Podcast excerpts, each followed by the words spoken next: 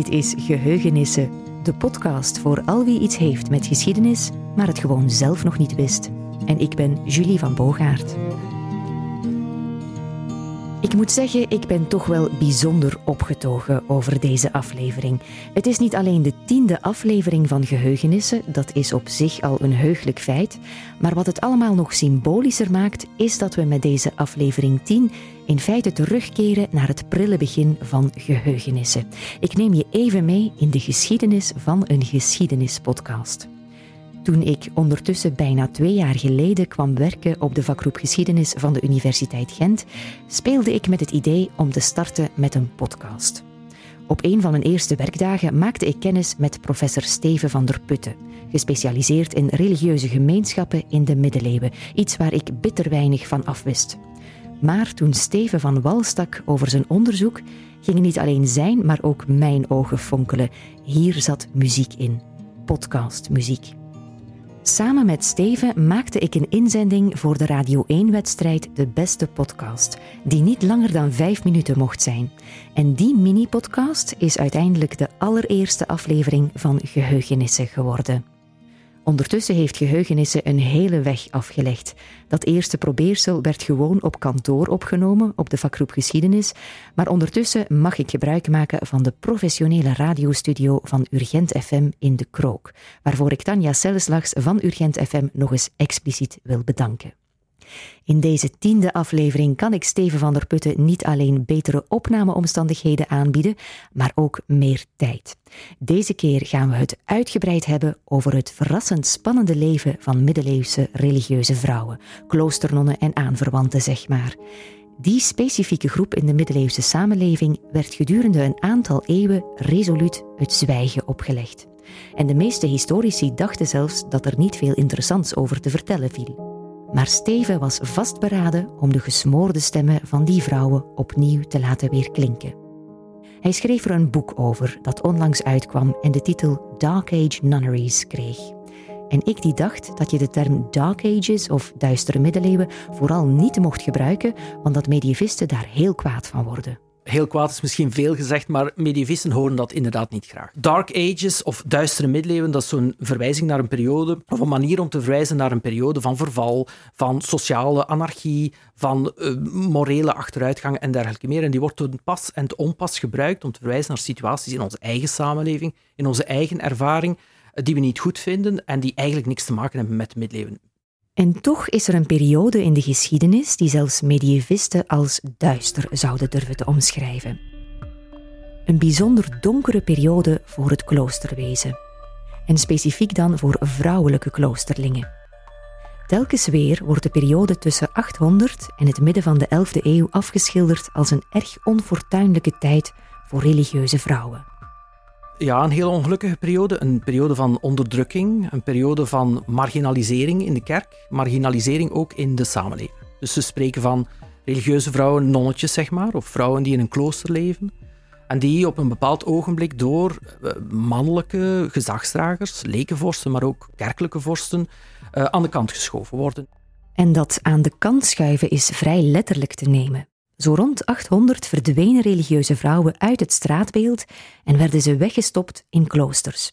Niet bepaald een stap vooruit wanneer je hun situatie van voor 800 bekijkt. Als je kijkt naar de periode voor 800, dus de laat-antieke periode, de eerste eeuwen van het christendom, zeg maar, en de vroege middeleeuwen, dan vinden we heel veel vrouwen, of komen we heel veel vrouwen tegen, die een heel actieve rol spelen in de kerk. En dat is niet alleen in spiritueel opzicht, maar dat is ook in maatschappelijk opzicht. Je ziet heel veel religieuze vrouwen, dus vrouwen die hun leven wijden aan, uh, aan God eigenlijk, aan godsdienst, die uh, aan armenzorg gaan doen, die een leidende rol gaan spelen, bijvoorbeeld in het ontvangen van pelgrims, die een leidende rol gaan spelen, bijvoorbeeld in het spirituele leven, gaan preken, de bicht gaan afnemen, ook een rol gaan spelen in grote kerkvergaderingen en dergelijke meer, en die ook een rol spelen als consultant van grote lekenheren, vorsten en dergelijke meer, die een rol speelt die in veel opzichten gelijkwaardig is aan die van de mannelijke klerus. Maar daaraan komt omstreeks 800 een einde. Religieuze vrouwen moeten voortaan binnenblijven en bidden. De idee daarachter was dat vrouwen, uh, vrouwen heel zuiver moesten zijn om op een effectieve manier te kunnen communiceren met God. De bedoeling was dat vrouwen hun, de grootste deel van hun tijd doorbrachten met bidden. Bidden ten behoeve van de samenleving. Dus hun gebed diende eigenlijk niet alleen henzelf, maar ook de hele samenleving. Men wou eigenlijk een professionele groep vrouwen creëren die dan zouden ja, het grootste deel van hun tijd doorbrengen met voortdurend vragen aan God dat hij de redding van de mensheid zou bewerkstelligen. Um, de idee was dat vrouwen daarvoor heel zuiver moesten zijn. En dat, dat is dan gewoon fysiek zuiver. Er zijn hele ingewikkelde rituelen over persoonlijke hygiëne die te maken hebben met persoonlijke hygiëne, maar in, zeker ook wel seksueel zuiver. Van vrouwen werd verwacht dat zij zich onthielden van alle seksuele activiteit. En het vooroordeel dat in die periode toch wel voor een deel heerst, is dat vrouwen zich makkelijker lieten verleiden tot seksueel wangedrag dan mannen. En dat daarom vrouwen ook eh, meer onder controle moesten gehouden worden dan mannen. En dus ook afgeschermd moesten worden van de rest van de samenleving. Het was dus voornamelijk vanuit wantrouwen of zelfs regelrechte misogynie dat religieuze vrouwen geïsoleerd moesten worden. Al de vrijheden die ze voordien hadden gekend, werden hen afgenomen. Voortaan zou hun leven zich afspelen binnen de begrenzingen van de kloostermuren en van de vele regels die daarbij hoorden. Voor ons, 21ste eeuwers die danig gesteld zijn op onze individuele vrijheid, lijkt zo'n streng kloosterleven op een gevangenisbestaan. Maar onder middeleeuwse tijdgenoten ontstond al snel de indruk dat de dames het best wel gezellig hadden daar in hun kloosters. Misschien wel iets te gezellig, volgens sommigen. Het is bijna een self-fulfilling prophecy, een voorspelling die zichzelf vervult, in de zin dat als je vrouwen wegsteekt in het klooster en je krijgt ze nooit te zien, je houdt ze weg van de publieke ruimte, dan ontstaat al snel de perceptie dat die vrouwen eigenlijk niks, niks bijdragen aan de samenleving. Uit het oog is uit het hart in veel opzichten. En clerici die vrouwen willen ja, onderwerpen aan hun eigen ideeën, vanaf het midden van de 11e eeuw vooral, gaan de idee creëren of gaan de idee voeden dat die vrouwen achter die kloostermuren eigenlijk niet, niet heel erg bezig zijn met spiritualiteit. Dat dat vooral heel rijke vrouwen zijn die zich op een bepaald ogenblik terugtrekken uit ja, het gewoel van het wereldse bestaan en daar een leven gaan leiden dat in overeenstemming is met hun ervaringen in gezinnen van, van uh, aristocraten, dus aristocratische uh, families. Een van de clerici die de levensstijl van religieuze vrouwen openlijk op de korrel namen, was paus Gregorius VII. Voor zijn pauschap en zijn fameuze Gregoriaanse hervorming bekend onder de naam Hildebrand. In 1059 hield hij een speech waarin hij serieus van leer trok tegen de decadente kloosternonnen van zijn tijd. Ja, die religieuze vrouwen zijn eigenlijk maar dikke matronen die niks anders doen dan grote hoeveelheden bier of wijn binnengieten en grote hoeveelheden eten uh, naar binnen spelen en voor de rest eigenlijk niet veel uitspoken. En de vergelijking wordt heel dikwijls gemaakt, ook in teksten uit die periode en ook door Hildebrand zelf, je komt daar regelmatig op terug in zijn speeches die hij houdt voor de synode in Rome en dergelijke meer. Dat dat eigenlijk vrouwen zijn die zich op het randje ook seksueel van het toelaatbare bevinden. Men suggereert heel sterk dat dat vrouwen zijn die nauwelijks hun seksualiteit onder controle kunnen houden en onder andere door hun liederlijke levensstijl een bedreiging vormen, niet alleen voor ja, de clerici die hen moeten bezoeken, om bijvoorbeeld de biecht af te nemen, om een oogje in het zeil te houden, maar ook voor de samenleving als geheel. Je hebt, een, je hebt zuivere religieuze vrouwen nodig die bidden voor het heil van de samenleving. Als die vrouwen zich misdragen, dan is het heil van de samenleving ook ja, in gevaar gebracht. Minstens even hardvochtig, maar zoveel meer doortrapt was Poppo, aartsbisschop van Trier. In 1016 gaf hij aan het vrouwenklooster van Pfalzel de opdracht om hem een paar pantoffels te maken. Jawel, een paar pantoffels. Dat zijn pantoffeltjes die specifiek gebruikt worden door de aartsbisschop om de mis op te dragen. Dat zijn heel leuke pantoffeltjes, lijken zo'n beetje op Ugs. Er zijn zo nog een aantal van die pantoffels bewaard, van die lelijke dingen, maar die wel heel comfortabel zitten. En dus een van die vrouwen maakt die pantoffels en dat is heel aannemelijk, want religieuze vrouwen zijn heel actief in textielproductie in die periode. Onder andere ook voor de klerus, maar ook voor een breder publiek. Op het eerste gezicht dus doodnormale liturgische pantoffels. Maar dan, in de kathedraal trekt de aartsbisschop zijn nieuwe pantoffels aan en wat hem daarover komt, tart alle verbeelding. Ja, als ik die pantoffels aandoe, dan word ik meteen betoverd. Dus die pantoffels zijn ook betoverd. En wanneer ik ze aantrek, dan krijg ik onmiddellijk seksuele lust. En dan wil ik onmiddellijk seks hebben met een vrouw. De aartsbisschop wil natuurlijk niet over één nacht ijs gaan en gebiedt de aanwezige clerici om om de beurt de pantoffels ook aan te trekken. En ja hoor, één voor één worden ze overweldigd door onbedwingbare lusten. En dan wordt er uiteraard gezegd van kijk, ja, die vrouwen, dat zijn eigenlijk, het staat niet letterlijk in de tekst, maar het komt er eigenlijk op neer dat, dat, dat die vrouwen tovenaressen zijn. Wanneer er met beschuldigingen van hekserij wordt gegooid, is er doorgaans meer aan de hand dan angst en bijgeloof. En dat is in het verhaal van Popo's pantoffels niet anders. Popo's eigenlijke agenda is om de vrouwengemeenschap weg te werken uit een klooster dat hij liever zelf in handen zou krijgen. Door de vrouwen te beschuldigen van hekserij kan hij hen voor het blok zetten, buigen of barsten. En dan wordt hen gezegd van kijk, ofwel onderwerp je ons volledig aan wat wij jullie vertellen, hoe je je moet gedragen, ofwel gooien we jullie allemaal buiten. En dan is het heel interessant om te zien dat die vrouwen zeggen van nee, dat doen we liever niet.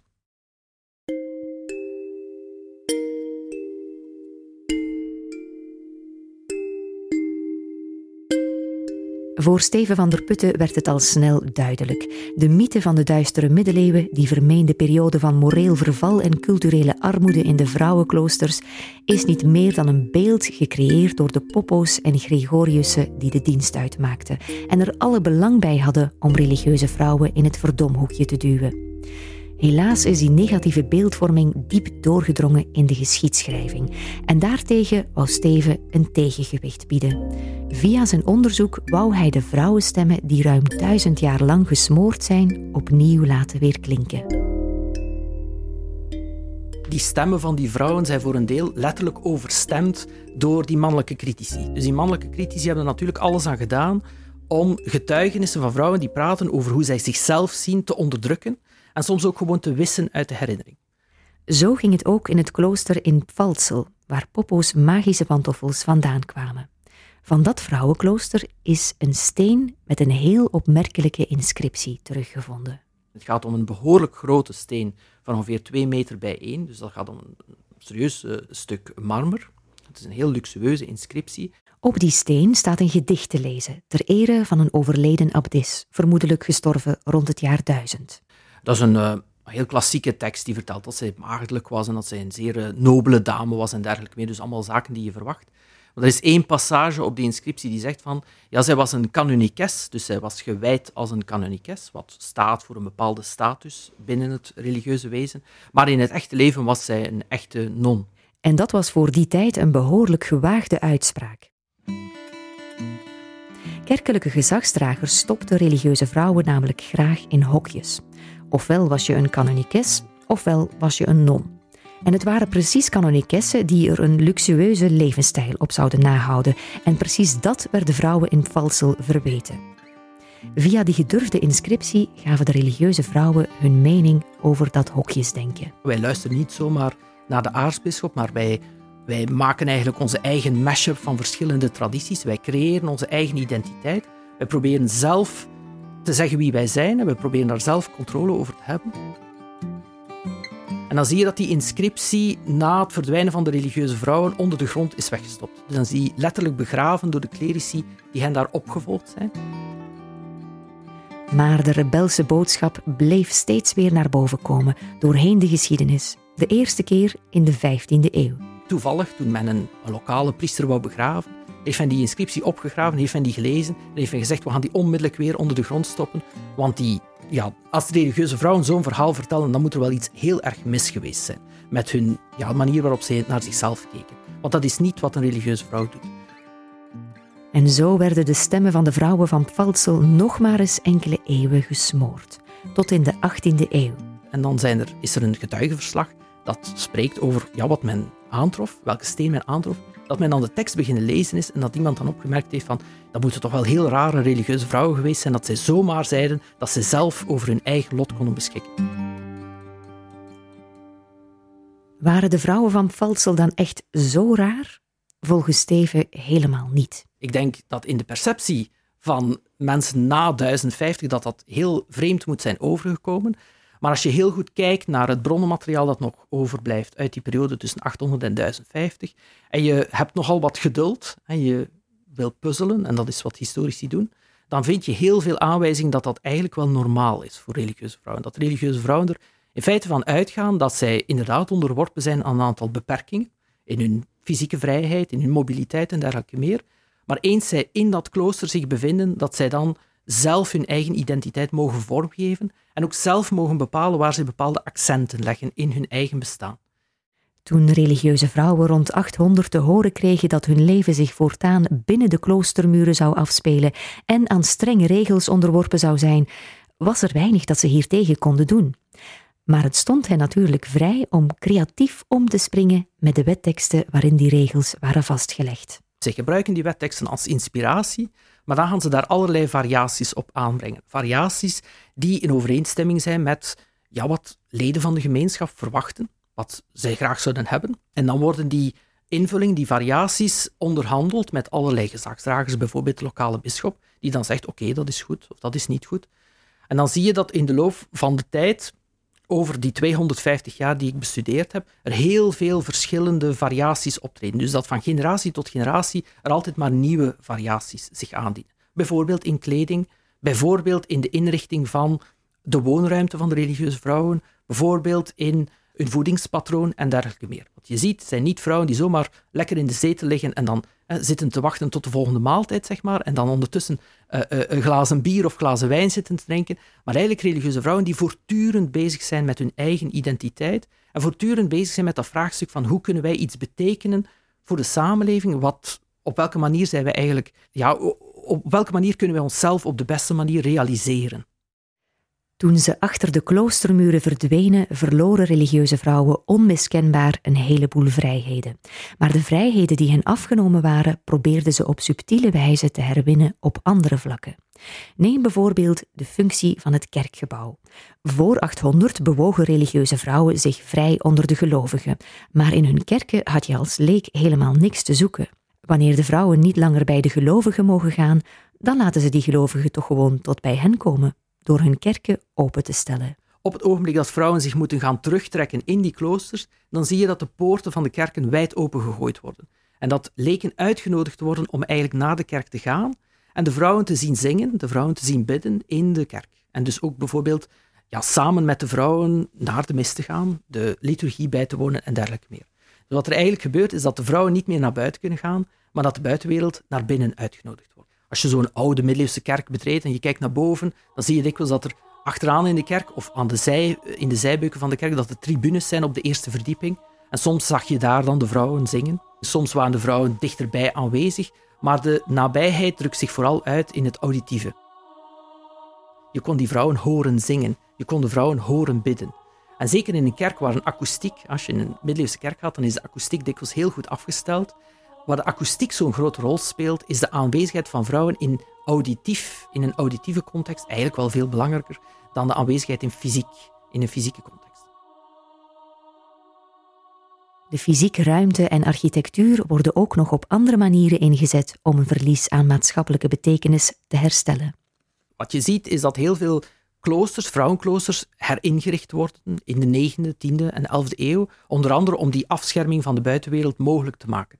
Maar wat je dan ziet gebeuren, is dat veel van die kloostergebouwen ook een, een extra functie krijgen, of meerdere extra functies uh, krijgen. Bijvoorbeeld als hospitaal, bijvoorbeeld als opvangcentrum, bijvoorbeeld als politieke ontmoetingsplaats, of bijvoorbeeld, en zo zijn er een aantal uh, voorbeelden bekend, als militaire verdedigingsplaats. Versterking, zeg maar. Je, je hebt een aantal kloosterkerken van vrouwelijke, kleine vrouwelijke kloostertjes, waarvan de toren van de abdijkerk enorm groot is heel zwaar versterkt en over heel dikke muren beschikt, ja, dan is het niet moeilijk om daaruit af te leiden dat die kerken waarschijnlijk ook gediend hebben om een bepaalde plaats militair te verdedigen. Middeleeuwse kloosternonnen waren dus best wel vindingrijk in het bedenken van strategieën om met hun gemarginaliseerde positie om te gaan. En de rode draad doorheen die coping mechanisms is een verschuiving van het individuele naar het collectieve. Wat heel interessant is, is dat als reactie op dat opgesloten worden in de vroege 9e eeuw, dat het accent van vrouw zijn, binnen die idee over vrouw zijn in de kerk, verschuift van het individu naar de gemeenschap. Vrouwen gaan zich meer zien, beginnen zien als lid van een gemeenschap en gaan proberen als gemeenschap invloed te hebben op de samenleving.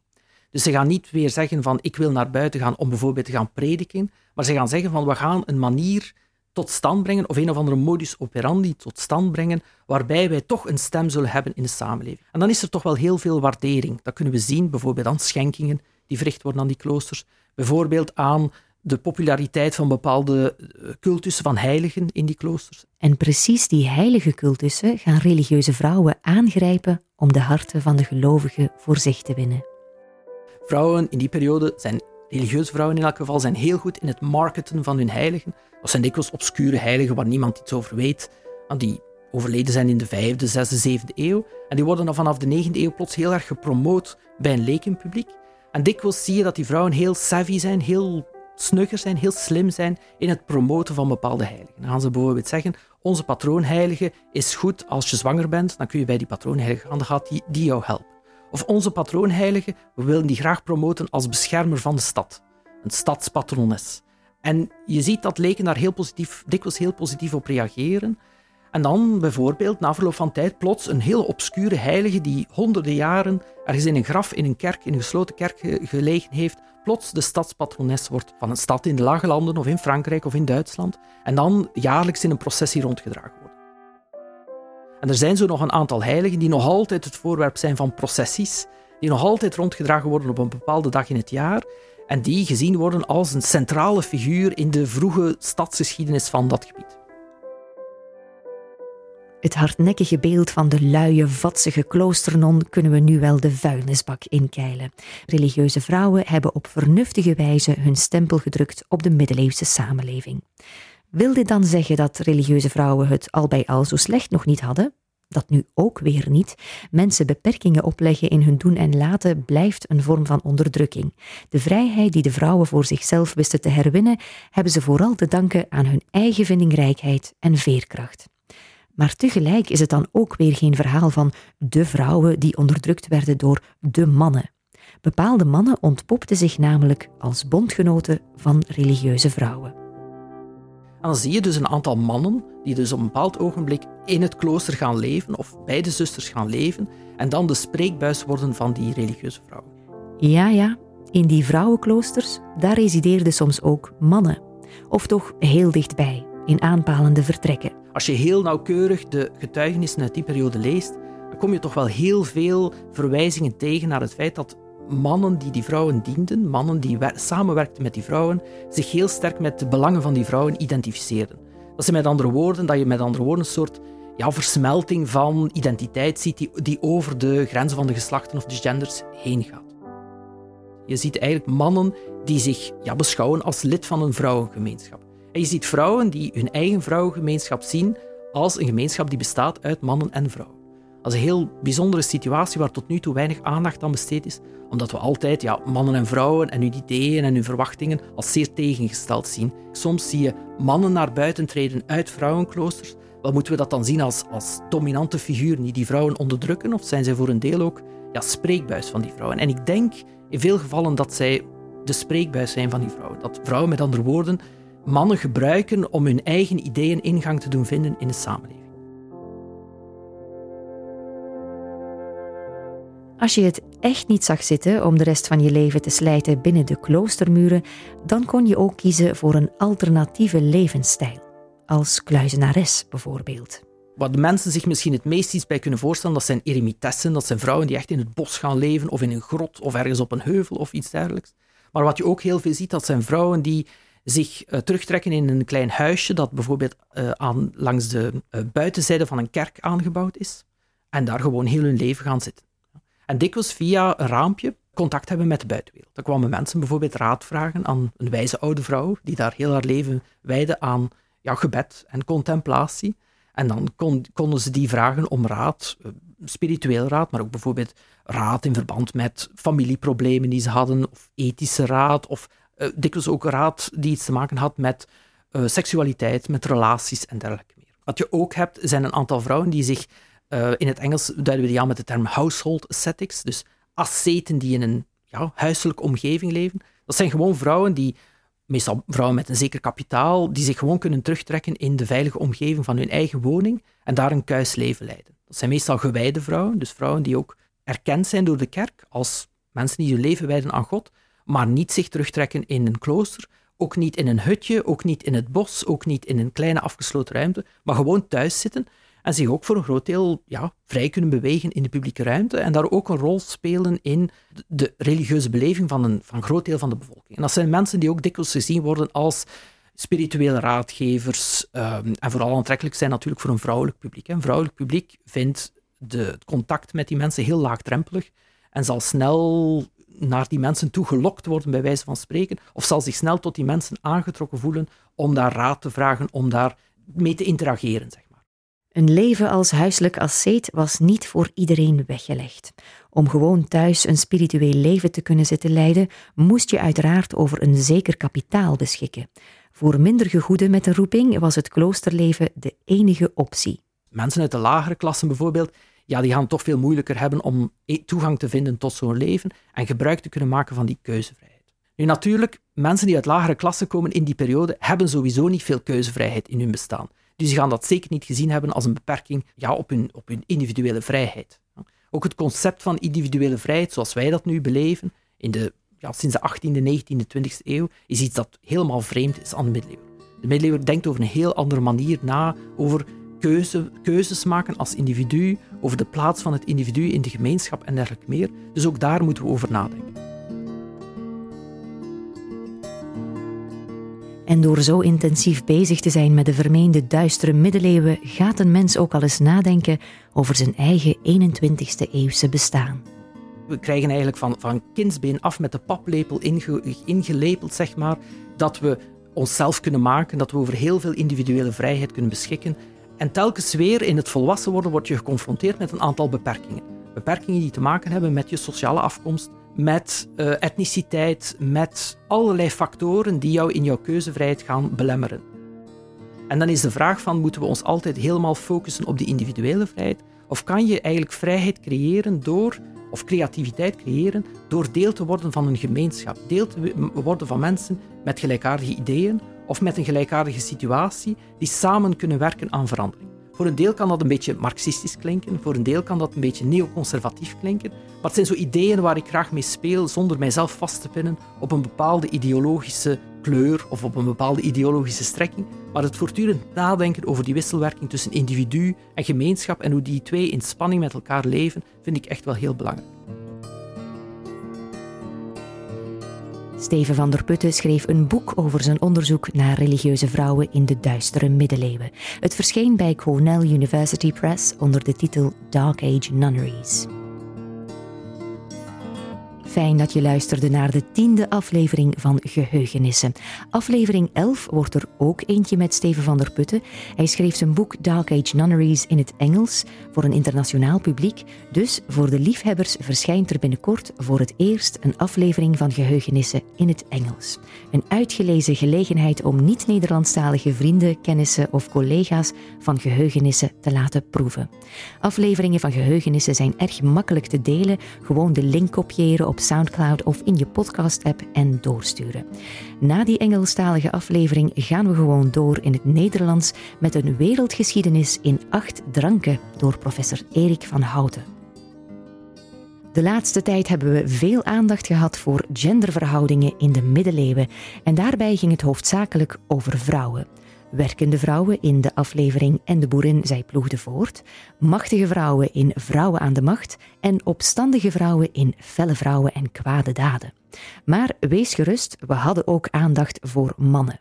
Luister maar eens naar De Getrainde Man, een aflevering opgenomen op het Podcastfestival in Gent voor een live publiek. Met niet alleen dokter Stefan Meisman, die een doctoraat schreef over mannelijkheid in de middeleeuwen, maar ook met Helene de Bruyne en Anaïs van Ertvelde van de sekspodcast Vuile Lakens. Met ons vieren bogen we ons over het mannenlichaam door de eeuwen heen en dat leverde bij wijlen verbluffende onthullingen op. Ze zijn constant bedekt tijdens hun leven, dus er werd altijd van alles ontdekt op het moment dat men het lichaam bij de dood ontkleedde, het waste om het te gaan begraven. En wat ontdekte men bij deze man? Dat hij kennelijk zijn genitaliën meer leken op die van een zevenjarig kind, zo staat geschreven in zijn biografie, dan op die van een echte man. Meer over middeleeuwse mannenlichamen, maar ook over superhelden en de druk van een oprukkend mannelijk schoonheidsideaal in De Getrainde Man. Die aflevering vind je net zoals deze op Soundcloud of in de podcast-app van jouw keuze. Abonneer je, dat is gratis, en laat ook een beoordeling achter. Dat maakt echt een wereld van verschil om via die beruchte algoritmes nieuwe luisteraars aan te trekken. Vergeet ook niet dat Geheugenissen een Facebookpagina heeft. Je kan die maar beter liken en volgen, want daar vind je vaak beeld bij de klank. Zo zul je voor deze aflevering onder meer een foto vinden van het soort ugs waardoor de aartsbisschop van Trier zo betoverd raakte. Geheugenissen wordt gemaakt door mezelf, Julie van Bogaert, voor de vakgroep Geschiedenis van de Universiteit Gent. En deze aflevering werd volledig opgenomen in de radiostudio van Urgent FM in De Krook in Gent. Bedankt dat je luisterde.